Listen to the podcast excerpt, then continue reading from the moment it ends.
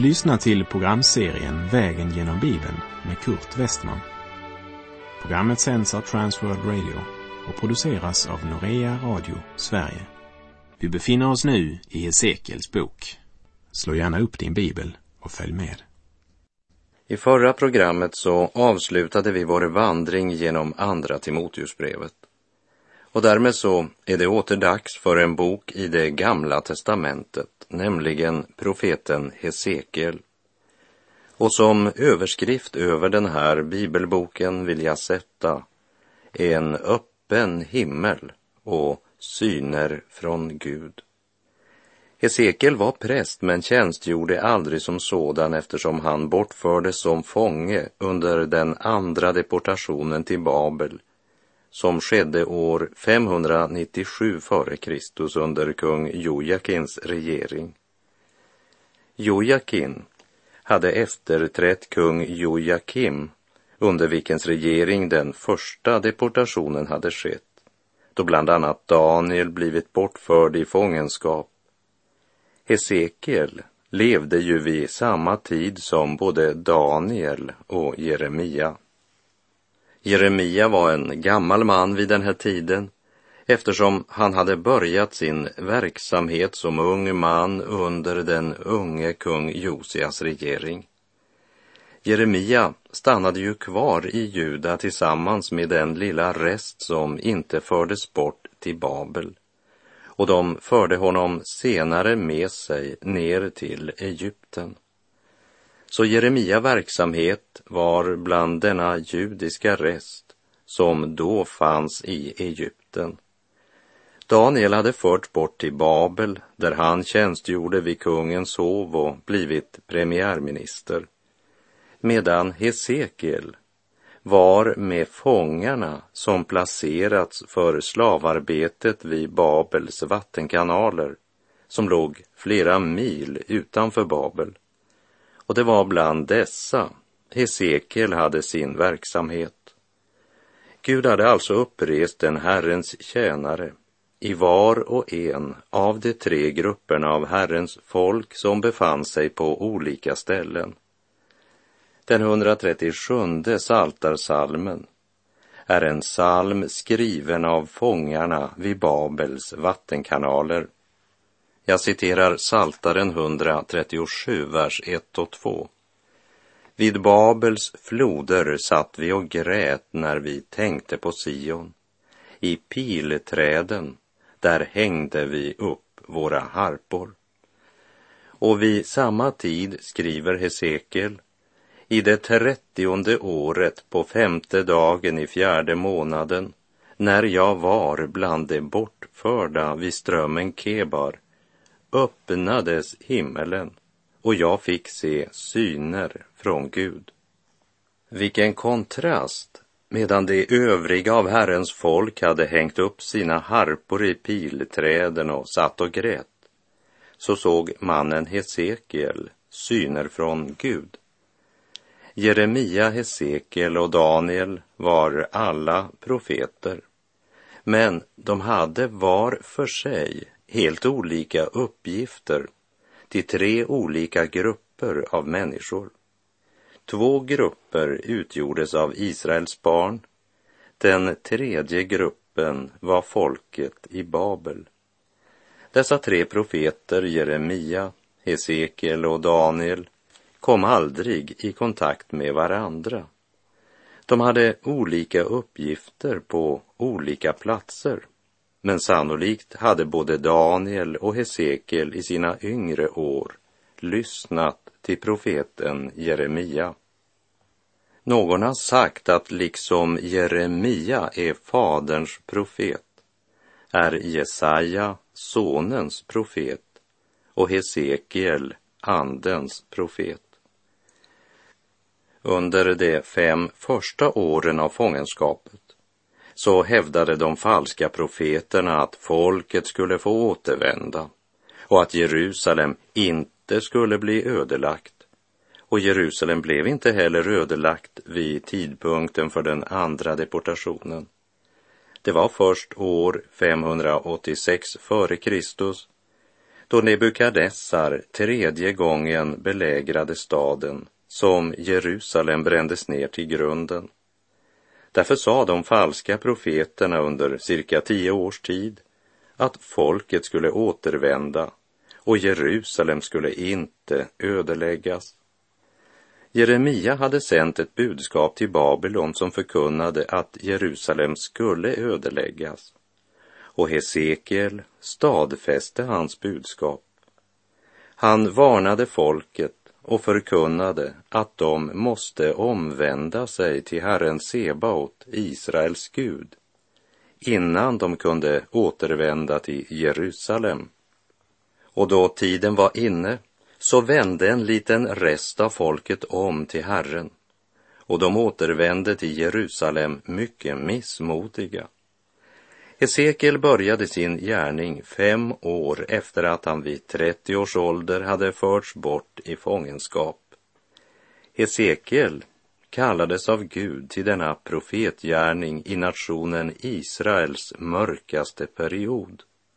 Han stod så att säga längst ner i dalen, i dess mörkaste hörn. Han måste konfronteras med det falska hopp som de falska profeterna hade spridit och de svårigheter och den förtvivlan som växte fram i kölvattnet av synd och avfall från Gud. En katastrofal nöd och en fruktansvärd desperation i ett andligt mörker som kamouflerades med de falska profeternas falska ljus. Som Jesus själv sa i sin bergspredikan i Matteus 6.23. Om nu ljuset i dig är mörker, hur djupt är då inte mörkret? Synd och avfall, understött av falska profeters falska tröst, och mitt i allt detta skulle Hesekiel ropa ut sitt budskap till ett folk som älskade att berömma sig av Gud, men leva efter sina egna hjärtans syndiga begär.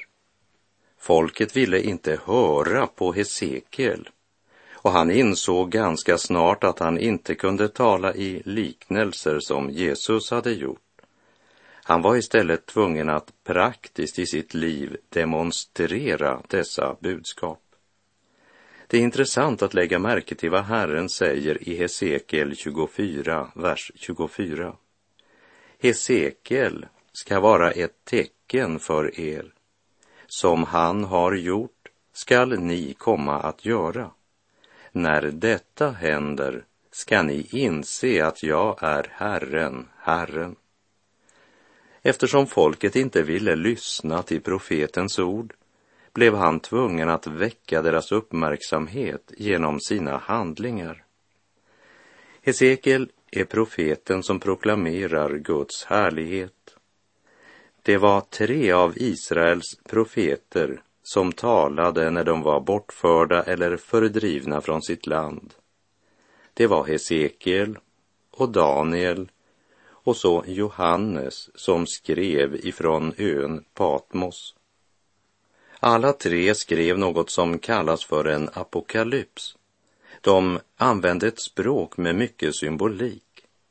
Ändå såg de det största ljus och är de profeter som allra starkast förmedlar framtidshopp. Hesekiel såg Guds härlighet lämna Salomos tempel. Men han såg också hur Herrens härlighet uppenbaras en dag i framtiden. Hesekiel såg frälsningen fulländas vid tidens slut. I Petrus första brev kapitel 1, verserna 10 till 12 står det. Det var denna frälsning som profeterna sökte och forskade efter det som profeterade om den nåd som ni skulle få. Det undersökte vem eller vilken tid Kristi ande i den visade på, när han förutsade Kristi lidanden och den härlighet som skulle följa. Och det blev uppenbarat för dem att det inte var sig själva utan er de tjänade med sitt budskap. Detta har nu förkunnats för er genom dem som i den helige Ande sänd från himlen predikade evangeliet för er. Och detta önskar änglarna att få blicka in i. Petrus säger alltså, det var denna frälsning som profeterna sökte och forskade efter. Det som profeterade om den nåd som ni skulle få. Det undersökte vem eller vilken tid Kristi ande i dem visade på, när han förutsade Kristi lidanden och den härlighet som skulle följa. Och jag tror att Hesekiel såg detta klarare och bättre än någon annan av profeterna.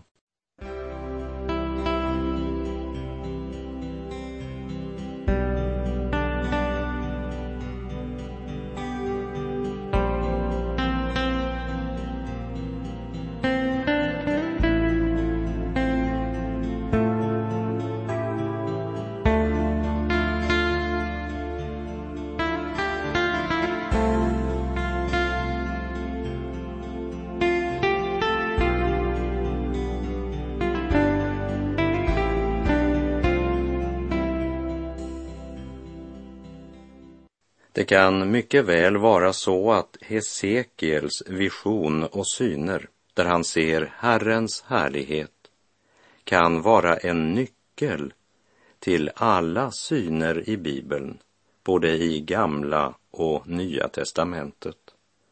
Det är i alla fall nyckeln till resten av Hesekiels bok. Många människor menar nog att Uppenbarelseboken liksom vilar på budskapet i Daniels bok och Jesu bergspredikan. Och det är ju sant. Men jag tror att det huvudsakligen vilar på Hesekiels apokalyps. Och du kommer att finna slående likheter mellan synen i Hesekiel 1 och Uppenbarelsebokens fjärde och femte kapitel. Denna syn är ytterst svår att ta itu med. Och John Calvin sa, om någon frågar mig om synen är klar och tydlig, så bekänner jag dess dunkelhet och otydlighet och bekänner också att min förståelse av synen är mycket begränsad. Och när det gäller just den saken så är jag kalvinist och måste erkänna att min förståelse av Hesekiel är mycket begränsad. Ändå vill jag med frimodighet vandra också genom denna bok i visshet om att Herren förmår att välsigna dig som lyssnar långt utöver vad jag förstår. Och jag vet i alla fall vad synen inte är. Den är inte inte en beskrivning av vår mekaniska tidsålder. Eftersom det i kapitel 1, vers 18 sägs att på alla fyra hjulen så var hjulringarna fulla av ögon och är därmed lika levande som de fyra väsen med sina fyra ansikten. Det avfärdar den mekaniska tolkningen. Det handlar inte om långt framskriden teknik. Det handlar om en allsmäktig Gud, hans suveräna makt och gudomliga härlighet. Så det som möter oss i Hesekiels första kapitel, det är synen av Guds härlighet. Förenklat kan vi säga att så som vi hos Jesaja såg den princip som råder vid Guds tron, och hos Jeremia möter Guds trons praktiska handlande så möter vi hos Hesekiel honom som sitter på tronen, det vill säga Guds person. Det betyder inte att Gud själv blottas och exponeras i denna syn. Vi har ingen hemsida eller displayfönster av honom. Så låt oss komma ihåg att synen är inte en syn där Hesekiel ser Gud, men han ser Guds härlighet, det vill säga en synlig uppenbarelse av Guds närvaro. Vi möter en beskrivelse av Guds vagn som talar om den allsmäktige, som totalt oberoende av andra i triumf färdas oberoende av tid och rum. Det talar om en mobilitet och hastighet som sträcker sig långt utöver vår förmåga att förstå. Det åskådliggörs genom fyra levande väsen förbundna med vagnen. Vagnen som kan gå framåt i alla riktningar utan att behöva vända sig. Ändå är de skilda från den. Det finns inga mänskliga ord som kan beskriva förbindelsen. Vi får bara veta att den är där. Och över allt detta är det en tron. Och på den tronen satt en gestalt som såg ut som en människa. Och innan vi börjar vandringen genom de första verserna i profeten Hesekiels bok påminner vi varandra om vad Herren säger i Jesaja 55, vers 8 och 9. Se, mina tankar är inte era tankar och era vägar är inte mina vägar, säger Herren.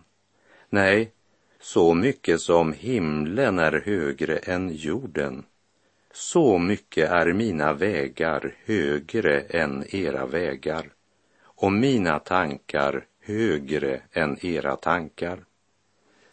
Herrens budskap genom Hesekiel innehåller enorma varningar till Guds utvalda folk för att de ska ödmjukas och föras till sann omvändelse och Guds fruktan.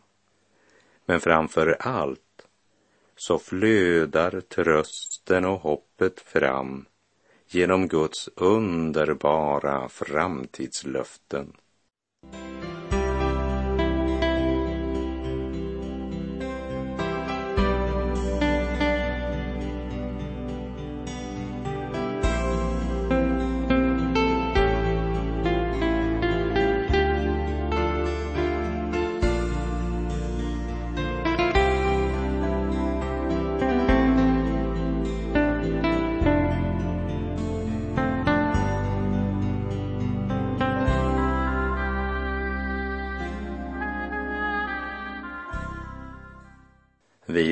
Läser i profeten Hesekiel kapitel 1, vers 1. I det trettionde året, på femte dagen i fjärde månaden, när jag var bland de bortförda vid floden Kebar, öppnades himmelen och jag fick se syner från Gud.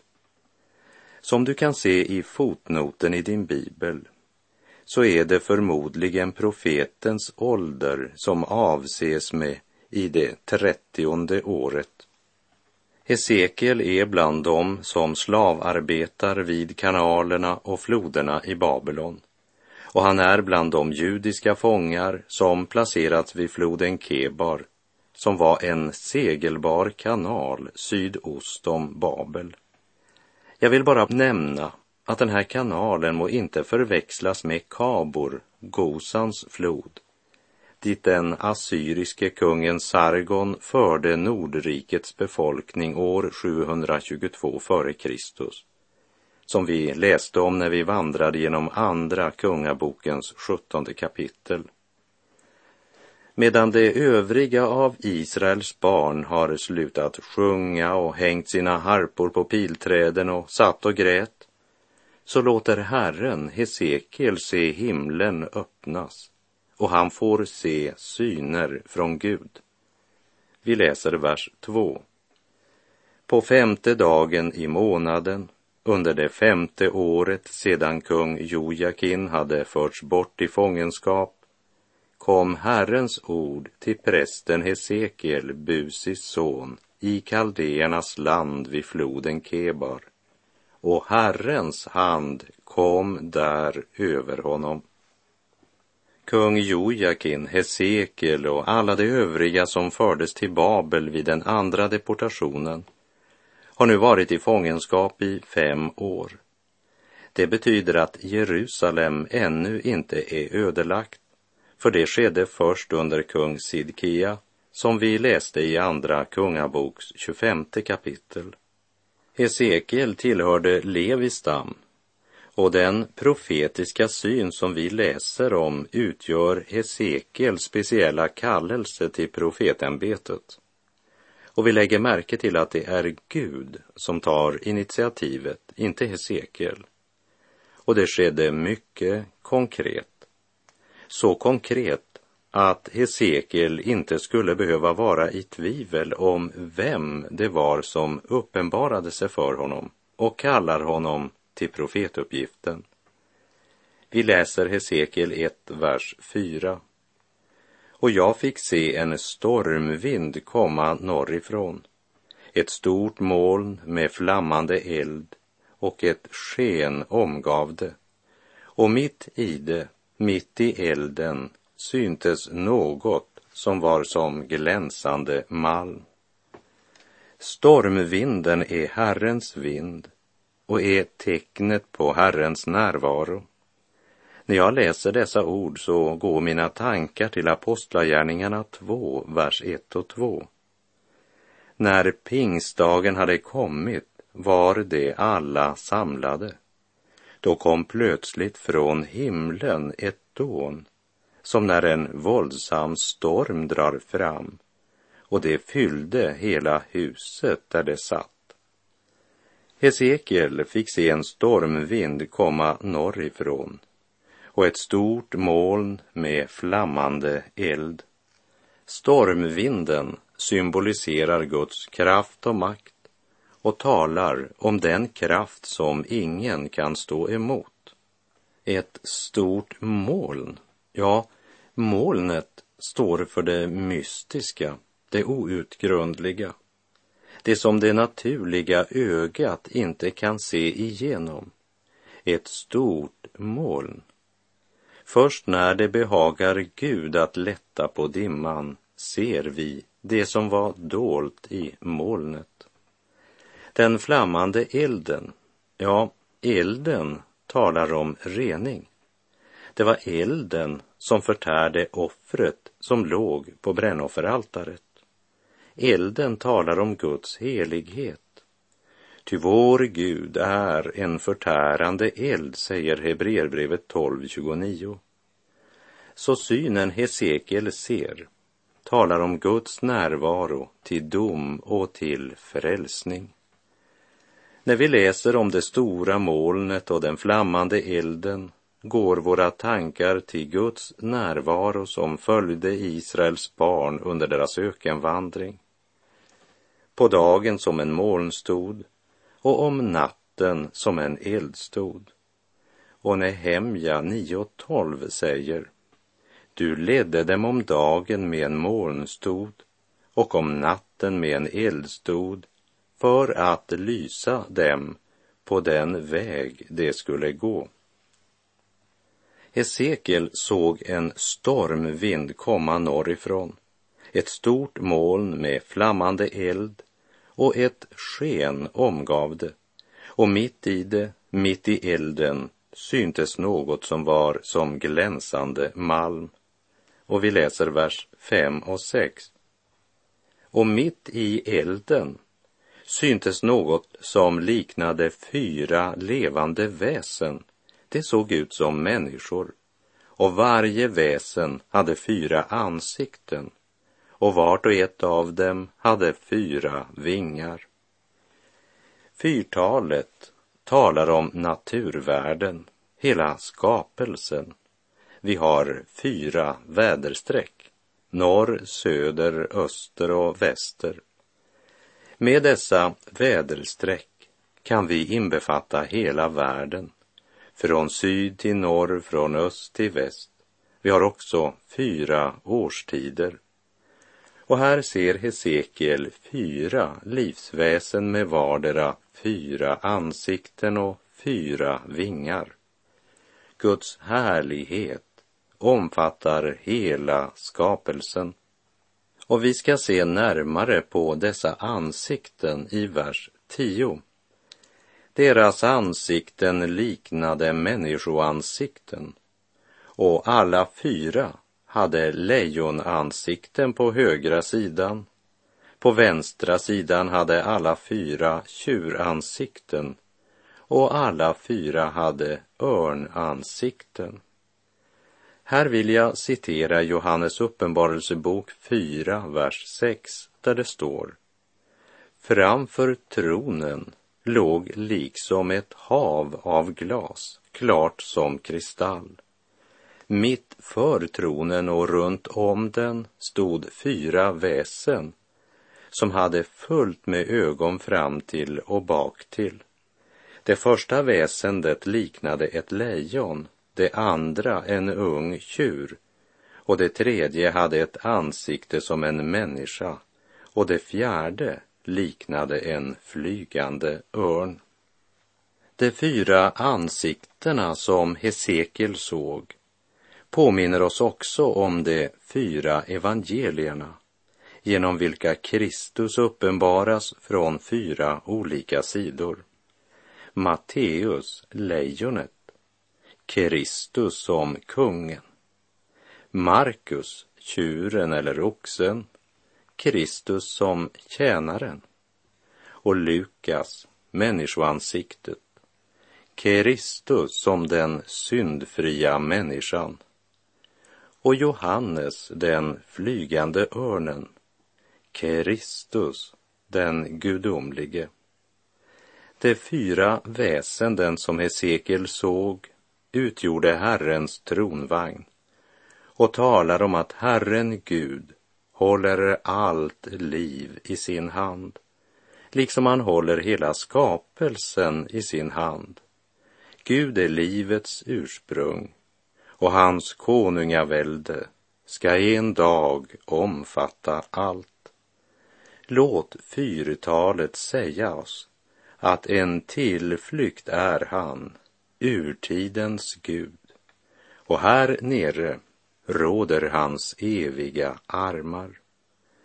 När jag läser orden, deras ansikten liknade människoansikten, då går mina tankar till vad Johannes skriver om Jesus i Johannes 1.14. Och ordet blev kött och bodde bland oss och vi såg hans härlighet, en härlighet som den enfödde har av Fadern och han var full av nåd och sanning. Ordet blev kött. Gud blev människa. Och med det så är vår tid ute för den här gången. Herren vare med dig.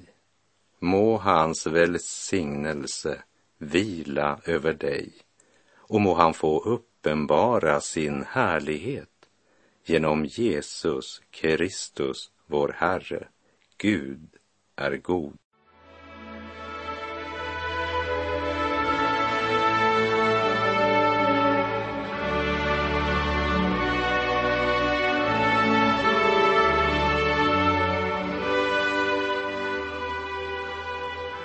Du har lyssnat till programserien Vägen genom Bibeln med Kurt Westman som sänds av Transworld Radio.